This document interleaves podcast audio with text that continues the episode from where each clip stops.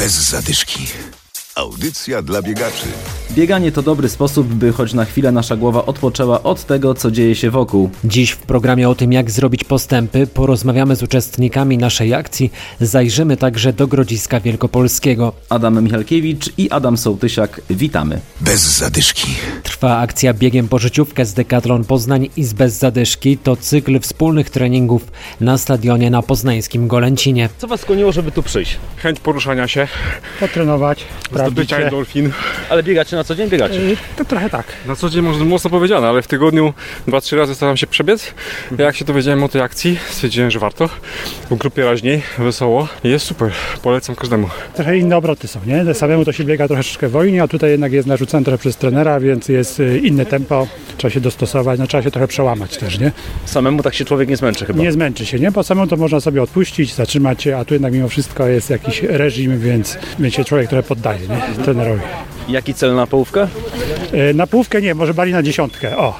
Jakby było 50 minut, super by było dla mnie. Pierwszą przebiec. Będzie mój pierwszy półmaraton, więc zamierzam przebiec. Nie wiem jaki będzie wynik, każdy będzie świetny, a kolejny będzie lepszy. W trakcie wspólnych czwartkowych treningów szlifujemy formę do wiosennych startów. Każdy, kto biega, liczy mniej lub bardziej na progres. Treningi wchodzą już w decydującą fazę. Dzisiaj zawodnicy wykonywali w zależności od y, grupy y, i czasu, do jakiego się przygotowują. Trening 2 razy 3 km plus 2 km, natomiast grupa druga wykonywała e, trening 3 km, 2 km, 1 km.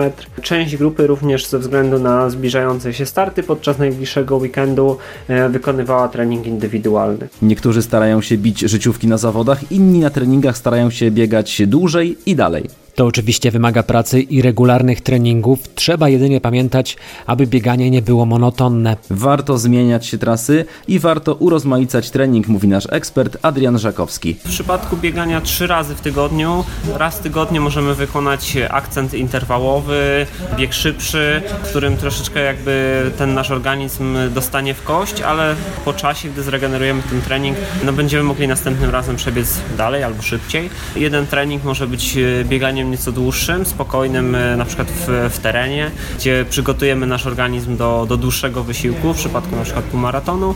No i jeden trening e, bazowy, właśnie taką dyszkę możemy sobie spokojną e, zrobić. Wtedy ten trening będzie nieco bardziej urozmaicony niż gdybyśmy przebiegli trzy razy w tygodniu e, spokojny bieg na średnim dystansie 10, na przykład 12 km.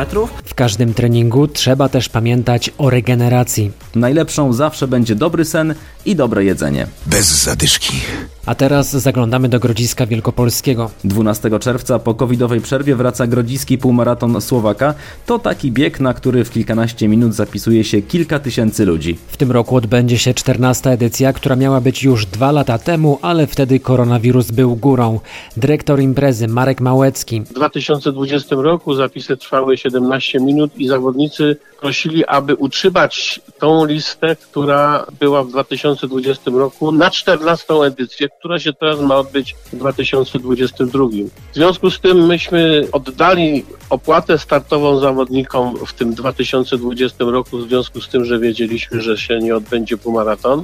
Więc teraz e, wszyscy zawodnicy z tej listy mogą potwierdzić swój udział, wpłacając ponownie opłatę startową w wysokości 120 zł. Czas na to jest tylko do końca piątku. Limit zostawiliśmy na tym samym poziomie, czyli 3800 zawodników. I jeżeli te opłaty nie będą w całości wniesione, a wiemy, że nie będą, to 27 w niedzielę o godzinie 16 otwieramy właściwe zapisy, czyli można będzie się zapisać i dokonać opłaty startowej. Wydaje mi się, że będzie trochę tych miejsc, bo z tego co śledzę w tej chwili opłaty startowe, to w tej chwili potwierdziło 1000, pewnie blisko 1500 osób, czyli miejsc byłoby, byłoby jeszcze sporo do, do wykorzystania. Grodzisk Wielkopolski jest znany wśród biegaczy w całej Polsce. Miasto słynie z fantastycznych kibiców i dobrej organizacji imprez. Bez zadyszki.